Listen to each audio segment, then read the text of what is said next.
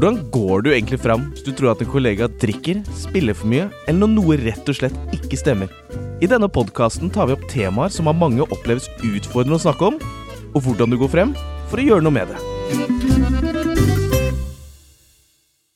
Kultur det er et ord som blir kastet mye rundt for tiden. Man sier at kultur spiser strategi til frokost. Man snakker om bedriftskultur, læringskultur, prestasjonskultur og festkultur. Men har vi faktisk et grep om hva kultur er? Selv for 30 år siden hadde et smalt fagområde som sosialantropologi 150 forskjellige definisjoner på hva kultur er. Innenfor arbeidslivet finnes i dag enda flere tolkninger. Så det er kanskje ikke så rart at kulturbegrepet kan virke litt ullent og vanskelig å få tak i. Men det vi vet, er at alle har og bidrar til en arbeidskultur på sin jobb. For å diskutere kultur på arbeidsplassen har jeg med AUF-leder Astrid Hoem, velkommen til deg. Takk. Administrerende direktør i CORE Norge, Nikolai Utheim, velkommen til deg. Takk. Og velkommen tilbake, fagleder i Akan, Camilla Bakking. Takk. Jeg begynner med et uh, litt sånn uh, åpningsspørsmål. jeg. Eh, når man er ny i jobb, hvordan merker du om kulturen er god eller dårlig, Astrid? Tenker man merker det på om det snakkes om. Eh, for jeg tenker det er det dårligste kultur, er kanskje det man har vedtatt seg til å ha best kultur. Altså man har masse retningslinjer, og det står overalt, men ingen snakker om det. Mm. Fordi du kan på en måte ikke vedta eller bestemme at du skal ha god kultur. Du er nødt til også å ha samtaler, forventningsavklaringer. Hvor går grensa på hva som er god kultur? Hvor går grensa på hvor er det hyggelig liksom å drikke øl? Skal, hva er liksom grensene, da? Og det, og det merker jeg at det er nok en del steder som faller litt i den fella at man vedtar seg til god kultur, henger opp masse viktige lapper liksom på toalettet som du skal lese over på jobben, men så snakker du ikke om det, og, og du ansvarliggjør ikke hverandre. Fordi ledere er jo ansvarlig, eh, øverst ansvarlig for en god kultur, men også alle liksom kollegaer som kanskje jobber på samme nivå, tar en fredagspils gjør de tingene, er jo også en del av den samme kulturen og ansvarlig for å skape den kulturen man ønsker. Hva tenker du om samme spørsmål, Nikolai? Nei, men jeg kan hekte meg litt uh, på det. Altså, for meg så går jo kultur veldig mye på det å mene noe om hvordan man liksom ønsker å ha det uh, i de omgivelsene man ferdes. Og det kan jo, og det er ikke noe fasit på det, for det kan jo avhenge veldig mye av eh, tenker jeg, liksom fra bedrift til bedrift, og hva man jobber med. Men klart eh, Hos oss da, så, så ønsker jeg å ha en veldig bevissthet på eh, ikke sant? Vi er en, representerer en bransje som eh, hva skal jeg si, for mange eh, kanskje består av eh, ansatte som kan ha på en måte krevende dager, tungt fysisk arbeid innen på en måte renhold og kantiner og eiendomsdrift osv. Så, videre. så det å, for vår del så har det vært viktig å, å ha en, en kultur som Altså Vi prøver i hvert fall å ha en kultur hvor, hvor det oppleves at man bryr seg om hverandre. For det tror jeg og vi er veldig viktig. Det å det liksom ha en jobb å komme til som oppleves? Det er trygt der. Eh, Det er noen som bryr seg om hvordan du, hvordan du har det, liksom hva du gjorde i går. Og det, å, liksom, det tror jeg er med på å skape en følelse av at man, av at man betyr noe. da. At man, eh, at man eh, ikke er alene, og at noen føler omsorg for deg. og Uh, og så er det som du sier, Én ting er jo på en måte å skrive det, eh, ikke sant, at sånn skal vi ha det. Mm. Men det starter jo med å faktisk føle på kroppen at det er sånn. Mm. Så nei, men jeg hekter meg mye på det som ble sagt. Hva tenker du om uh, kulturspørsmålet, Camilla? Nei, jeg også følger det som er, blitt sagt, eh, og jeg tenker at eh, kultur, det handler om å mm, se hverandre og opplevelse av å bli sett. Eh, og som du sier, det kan ikke vedtas, det må faktisk leves eh, og snakkes om. Jeg har møtt mange virksomheter som jeg kommer til når jeg er ute og holder kurs, og så er det det berømte sånn at kulturen sitter i veggene, så det er liksom vanskelig å endre eller vanskelig å gjøre noe med. Og det er vel kanskje det største tullballet vi sier, tenker jeg. For kultur sitter jo i hodene våre. Mm. Eh, og vi kan alle være med på å påvirke hvordan vi ønsker å ha det. For det er jo det det handler om, hvordan vi har det hos oss, som du eh, Mm. sier, Nikolai. Og, eh, men da må vi begynne å snakke om det. Mm. Og, og skape det rommet, da, hvor vi kan få lov til å, å snakke sammen om det. For det var egentlig mitt neste spørsmål, er jo det, ikke sant? Når kultur sitter i veggene, hvis man har en opplevelse at noe må endres, da. Hvordan går man egentlig fram for å gjøre det? Hvordan jobber man konkret med kultur, tenker dere? at man snakker om det. Um, og jeg tenker jo, når man jobber med kultur, så er det viktig at man har retningslinjer og sånn, det er jo det man skal leve etter, men man må også hele tida snakke om det. Eh, I AUF så snakker vi hele tida om de etiske retningslinjene våre. Vi snakker om regelverket vårt, eh, at vi har eh, alkoholforbud på arrangementer. Vi snakker om hvordan vi skal oppføre oss mot hverandre. Og så snakker vi også om de vanskelige situasjonene. Bruke f.eks. caser, andre mm. ting. For det kan være situasjoner som er litt sånn gråsone og usikkert. Men, men det å endre en kultur eh, kan jo være veldig vanskelig, for selv om det ikke på en måte sitter i veggene, så tror jeg det er ganske mange som det river og sliter hvis sånn har vi alltid gjort det, og det forventa at du skal gjøre det, og man er ikke så glad i å bli på en måte utfordra, men da er det kanskje også å prøve å bygge en kultur der det å utfordre er bra, da. Mm. Um, men, uh, men jeg tror jeg tror nok det er det vi ser i hele samfunnet vårt på en del av de normene som det rives litt i, og det som var greit for tre år siden, er ikke greit i dag, på en måte. Eh, og det, det er jo også endre en kultur i hele samfunnet vårt som mange også syns er vanskelig, da. Uh, og det kan jeg jo forstå, fordi hvis man føler at ting har vært sånn alltid, og jeg har kjent de spillereglene, og så kastes liksom brettet på nytt, og spillereglene er helt nye, så kan det oppleves litt fremmedgjørende.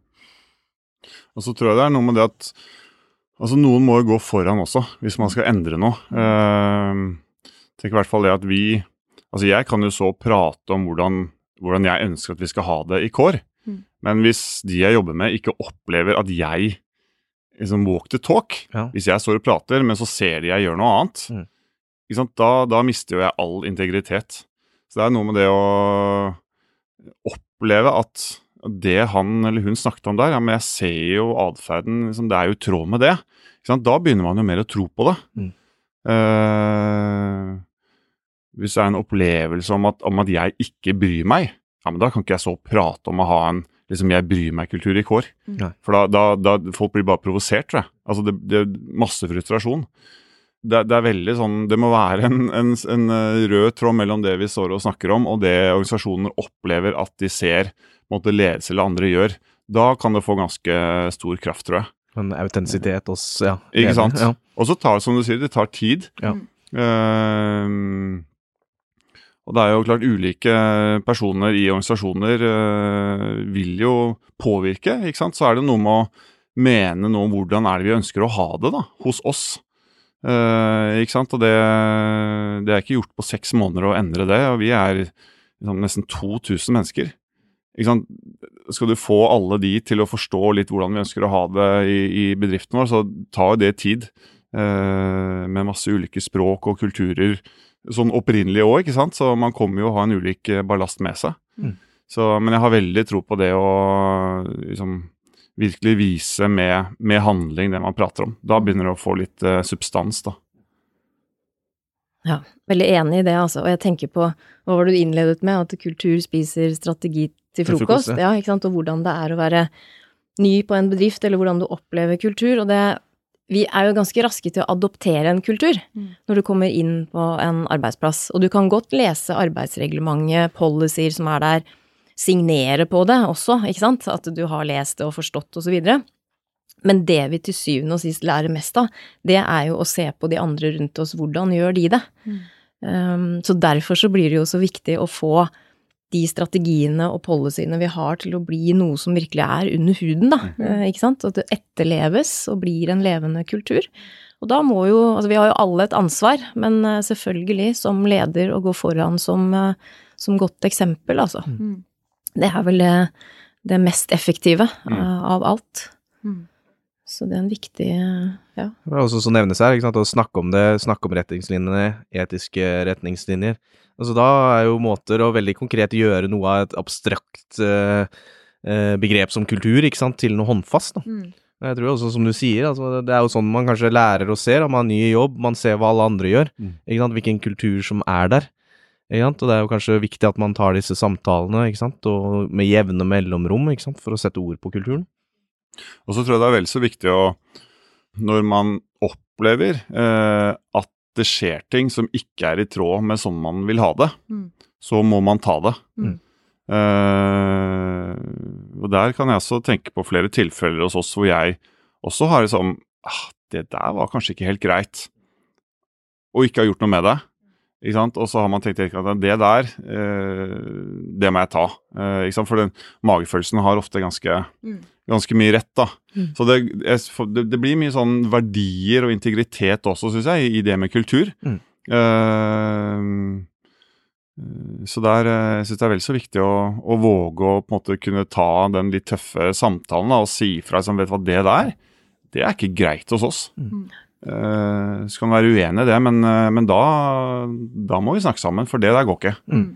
Eh, det tror jeg vel som jeg er med på å bygge kultur, for da kan man også se En ting er liksom handling i form av alt, alt det positive, men også at man slår ned på det som ikke er greit. da. Mm. Absolutt. Uh, Ja, det er jeg helt enig i, og jeg tror ofte at det kanskje er litt sånn en en del av problemet, at det blir litt ubehagelig, og hvis man ikke tar tak i det fra ledelsesnivå, da, um, og sier fra, så oppleves det jo som det er greit, og så lar det ofte ting skure og gå, og så blir det dårligere stemning rundt det, da, hvis det er noen som har sagt noe, ingen tar tak i det, og så blir flere irritert, fordi det er på en måte eh, ofte kanskje et stort problem at vi kan være litt konfliktsky òg, og ikke Mm. si ifra.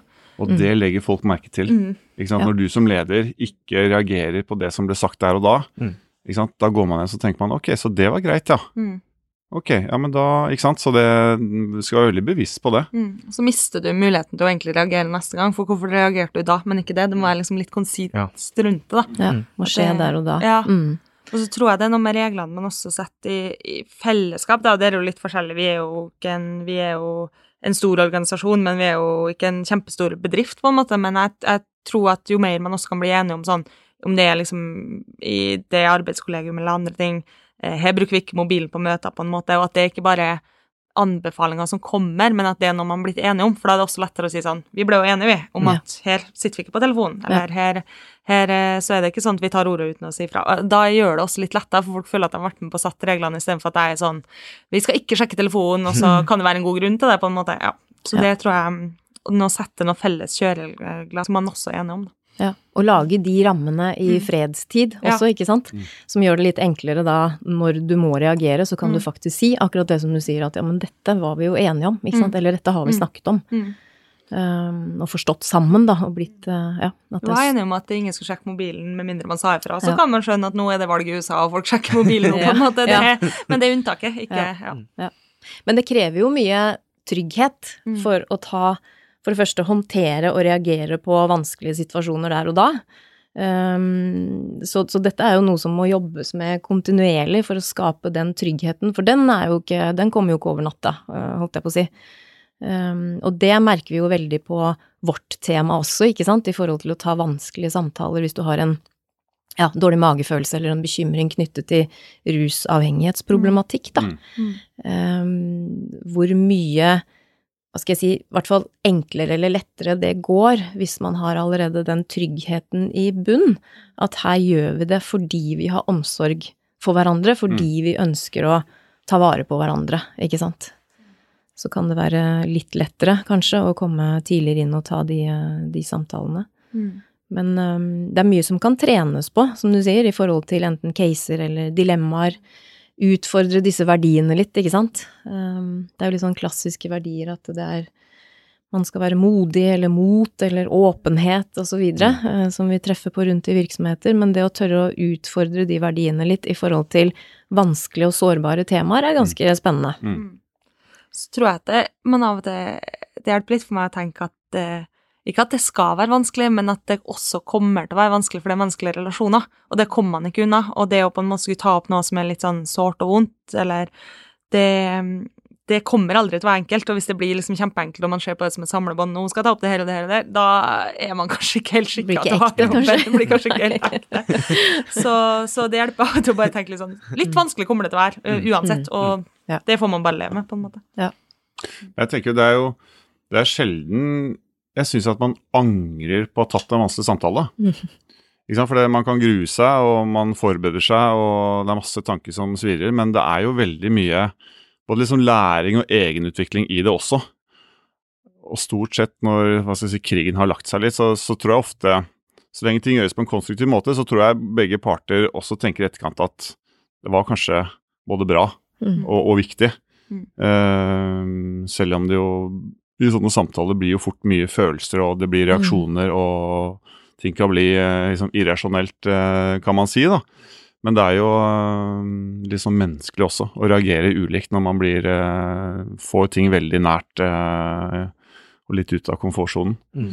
Men jeg tror det er veldig mye utvikling og læring i å våge å ta den type samtaler. Men jeg syns det er så fint òg at man kan på en måte bruke arbeidsplassen, eller rigge noen arenaer på arbeidsplassen hvor man kan vise seg litt sårbar, eller snakke om vanskelige ting. Mm. For jeg er ganske sikker på at det er med på å bygge kultur. Mm. At du som leder uh, viser at du tør å stå i de vanskelige situasjonene, uh, krevende situasjoner, og likevel ta det, ikke sant? Selv om man kanskje føler seg utrygg òg, men at man gjør det. Det er så innmari effektive signaler ut. Her har jeg søren meg en leder som, eh, som tar tak i det, ikke sant, og som reagerer, og som eh, ja, eh, gjør noe med det vi ser, da. Mm. Det er jeg sikker på at det er med på å bygge trygghetskultur, ja, altså. Mm. Men da tror jeg også det er utrolig viktig å ha den tilliten i fundamentet. Ja. Mm. Ikke sant? For det jeg tror Hvis man ikke har tillit, så er det veldig vanskelig å Mm. åpne seg og vise kall det svakhet eller sårbarhet. da.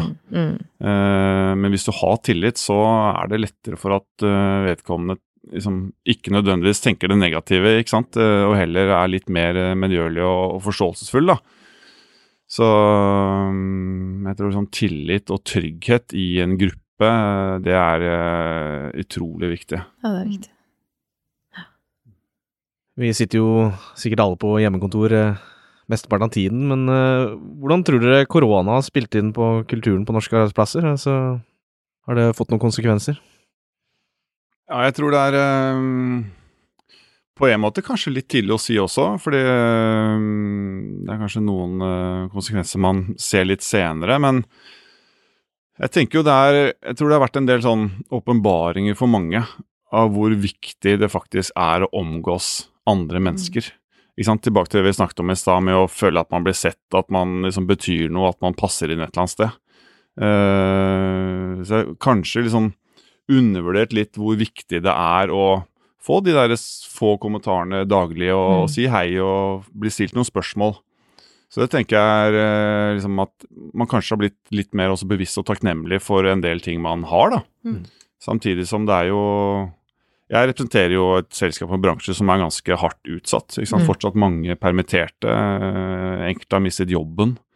Så? Og det blir jo det er en ganske sånn brutal inngrepen i hverdagen. For et år siden så tenkte man ikke på det. Og plutselig er liksom en tredjedel av alle ansatte er permittert. Mm. Så, som gjør at du ja, prøv å sette deg inn i den situasjonen selv. ikke sant? Du har familie, barn å forsørge. Plutselig så rakner på en måte en veldig viktig del av eh, liksom det fundamentet man skal ha. da. Mm. Så ja, det er vel litt sånn blanding, tror jeg, mellom både bevissthet og eh, og utrolig krevende tider for eh, mange. Og man er ikke igjennom eh, i det hele tatt. Mm. Ja, jeg tror at, at for mange av oss så er det også å innse hvor heldig man er som kan sitte på hjemmekontor, da. Mm, mm. Altså, er jeg litt rusten i halsen, så er det ingen problem for meg å sitte på hjemmekontor. Jobber du i butikk eller er vaskepersonell, så har du ikke den samme muligheten, på en måte. Da må du, kan du ikke bare ta med jobben hjem på samme måte. Uh, og jeg tror også det, det burde gi en annerledes måte i samfunnet vårt på hvilke typer jobber vi ser på som de mest samfunnsnyttige. Um, jeg tror liksom vi ser nå at vi, vi klarer Det er en del jobber vi rett og slett ikke klarer oss uten, som vi ikke, ikke lønner godt nok, og kanskje heller ikke, eh, ikke anser nok i Mm. samfunnet vårt, tror jeg. Eh, og litt det samme for meg sjøl, så tenker jeg sånn Det jeg gjorde mest på hjemmekontor, det var å sitte i, hjem i leiligheta mi og se på alle tingene mine og tenke sånn Alt det her det er egentlig ikke det jeg trenger når det på en måte føles ut som verden raser som mest. Det var liksom ikke de telysholderne og den kommoden som jeg var så fornøyd med. Det er liksom sånn Når du sitter i leiligheta, så blir det sånn Det du savner, er jo menneskelig kontakt, eh, og man merker at man eh, det er mye av den menneskelige kontakten som ikke er sånn vi skal ha et møte og snakke om det her, men det å bare gå forbi gangene, det å sjekke Det er mindre effektivt å sitte hjemme, for jeg må ringe, og det tar liksom ti minutter istedenfor tre minutter å gå bort til kontoret. og ja, det, det merker man veldig godt, at man, eh, man er jo sosiale dyr, og man savner det fellesskapet på jobben òg. Mm. Men så tror jeg også det er en sånn Jeg tenker også på hvilken enorm eh, liksom evne man har vist til å mobilisere og omstille, da. Mm. Det er sånn som en, eh, en kamerat av meg sa, som driver en eh, restaurant. da, Han har liksom holdt på med å utvikle en webside i to år. Plutselig så bare kom den på 48 timer. Ja. Det, det måtte bare få opp den muligheten til å bestille på web. ikke sant? Mm. Så det, det skjedde jo et eller annet i de ukene i, i våres. Og, og så er jo mennesker heldigvis en, har en unik evne til å tilpasse seg nye ting. Ja, det er litt sånn, Man har fått mye positivt ved det også, så dessverre er det fortsatt utrolig krevende for, eh, for veldig mange.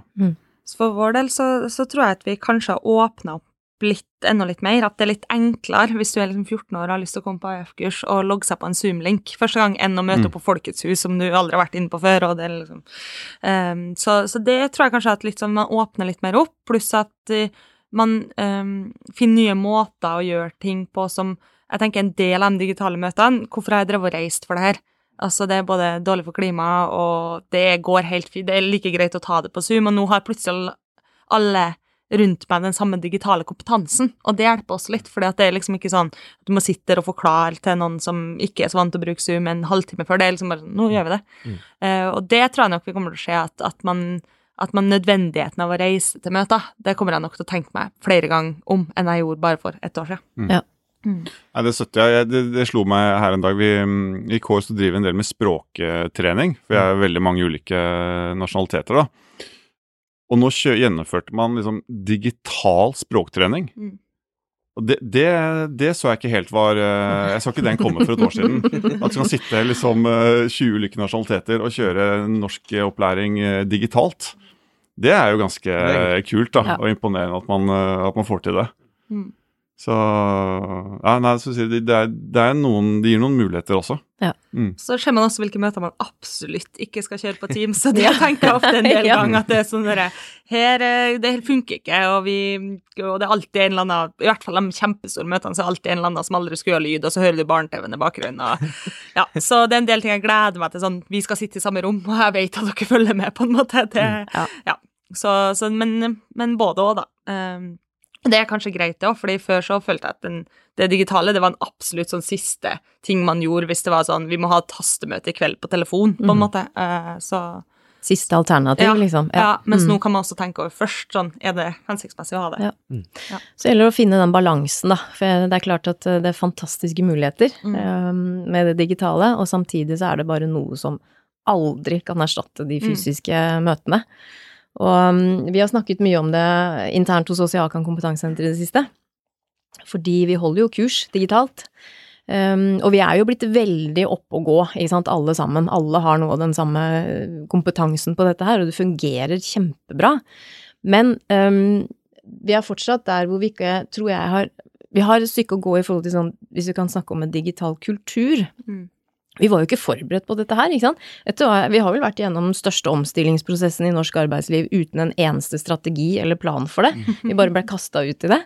Um, så dette med bare eksempler på alle de kursdeltakerne vi har, for eksempel, da, som ikke har på kamera. Uh, og den sitter langt inne i mange virksomheter, har vi skjønt.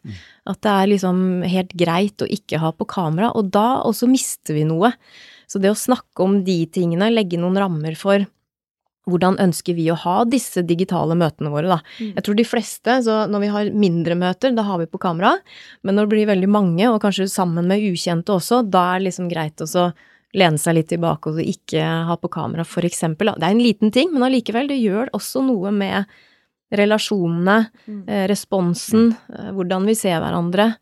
Eh, Så det kan bli litt spennende å se framover, hvordan vi liksom klarer å bygge den ja, mer rundt akkurat den der med at vi nå er vi gode på, vi har kompetanse, vi kan gjennomføre det, men klarer vi å få til en kultur rundt dette her også?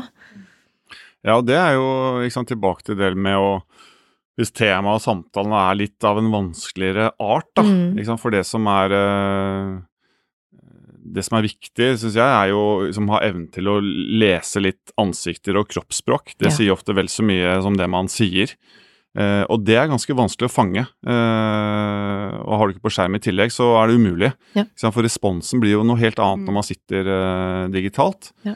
Som jeg tror igjen stiller liksom enda større krav til å faktisk ha eh, liksom trygghet og, og tillit, da. Eh, faktisk, for da, da må man våge å det krever litt mer å kunne si sånne ting eh, på Mm. skjerm når man er litt mer usikker på liksom, å Tolker man signalene? Mm. Eh, ikke sant? Hvordan går det her? Ja. Eh, så jeg tror det stiller enda større krav til faktisk å ha et eller annet i bunnen da, som er, eh, er bra, eh, for å våge å ta sånne samtaler. Så det er kanskje vanskelig å finne Det jeg syns har vært vanskeligere, er den der høyttenkninga og prøve å finne en enighet mellom ting, hvis du har to ytterpunkter. Det er lettere når man sitter i samme rom. At det er liksom vanskeligere, for det er liksom Du låser deg litt mer på hver din side ofte, eh, når du skal sitte og diskutere digitalt, og så har du kanskje ikke den samme tida, for du vil gjerne at det skal være Mm. kort, og vi merker, jeg tenker veldig ofte, det må være kort, for folk er så lei av å se på skjerm, og, Ja. og det gjør også at du kanskje rusher enda mer enn du ville gjort hvis man sitter i samme rom og diskuterer, da. Ja. Og er sånn, nå skal vi finne en enighet på en måte. Ja, jeg tror liksom de digitale møtene blir sånn, i hvert fall opplever jeg, litt Mm. mer intenst, for du Mm. kommer raskere til poenget, du er veldig konkret, det er ikke noe veldig mye sånn chit-chat rundt eller de greiene der. Mm. Så man blir jo veldig sånn, noen ganger litt sliten av det, for det, det krever mye nå. Og så tror jeg fortsatt det er litt unaturlig for oss å ha de uformelle pratene um, digitalt. Ja. At man blir automatisk litt sånn stivere. Du blir veldig opptatt av at du ikke skal snakke i munnen på hverandre. Vi muter, vi mister en del av disse umiddelbare tankene, ideene, kreativiteten, som jeg hører du savner litt, og det har jeg tenkt på selv. Um, den blir litt eh, borte i, i disse tidene her, altså. Så enten så må man liksom finne en rigg hvor vi kan bygge opp det, og snakke om det, og få til Ja, sette litt ord på hvordan ønsker vi å gjøre det hos oss, da. Mm. Hvordan skal vi klare å skape disse digitale møtene, disse digitale rommene best mulig? Uh, jobbe litt sånn aktivt med det. De litt kleine fem minuttene før møtet starter, og alle sitter helt stille.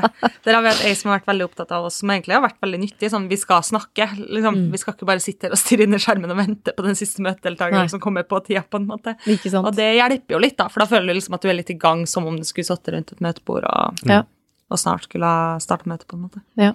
Det du kan gjøre da, er bare å ta på deg en klovnenese, eksempel. En slags hatt.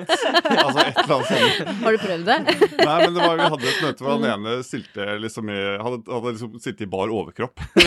Og det er sånn Hæ? Altså, er det Ser jeg riktig, liksom?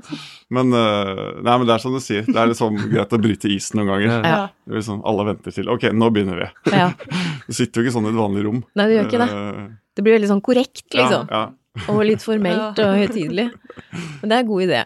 Men jeg savna litt starten, når alle liksom begynte med sånn blurred bakgrunn og, og, Ja. og det, det skjønner jeg jo litt, da, men jeg savner litt, derfor for jeg syns det var litt kjekt å se hvordan folk hadde på stua si. Ja. At jeg ble sånn folk du ofte har møter med, og som du egentlig omgås daglig, men som du kanskje ikke kjenner, da. Mm. Så var det liksom sånn Å ja, du har, eh, du har blå vegg på stua. Det var litt sånn, følte jeg ble litt tettere, men Mm. eh, samtidig skjønner jeg kanskje at det er det folk egentlig ikke vil, da. Skal sitte. Veldig personlig. Ja. Hva er gode måter å gjøre at rusforebygging blir en del av kulturen? Altså, hvordan kan vi få ansatte til å synes at dette er viktig? Jeg tror man må snakke om det. Nå føler jeg at det er har gjentatt mest i Mm. dag, men, men det er viktig da, at man, at man snakker om det, at man er enig om retningslinjer, at man eh, Ja, og det er jo det er jo mye diskusjon om på en måte julebordkultur i Norge og en del sånne ting, og jeg tenker at, at ofte så, i hvert fall der jeg jobba, fra liksom gikk på ungdomsskolen og frem til i dag, så har jeg opplevd at man sjelden snakker om, om det før og etterpå. Og det gjør det jo litt vanskeligere òg. Altså, når du er 18 år og skal på ditt første julebord. Jeg aner ikke hva jeg skal forvente. Jeg var vant til å gå liksom på på å si bygdehuset på fest, på en måte, og det, den samme kulturen tar jeg jo med meg inn på arbeidsplassen òg, for jeg, har- jeg har ikke sett noen. da. Mm. Uh, og det, det tror jeg er liksom viktig at man egentlig har den gode samtalen om hva vi forventer av hverandre også der.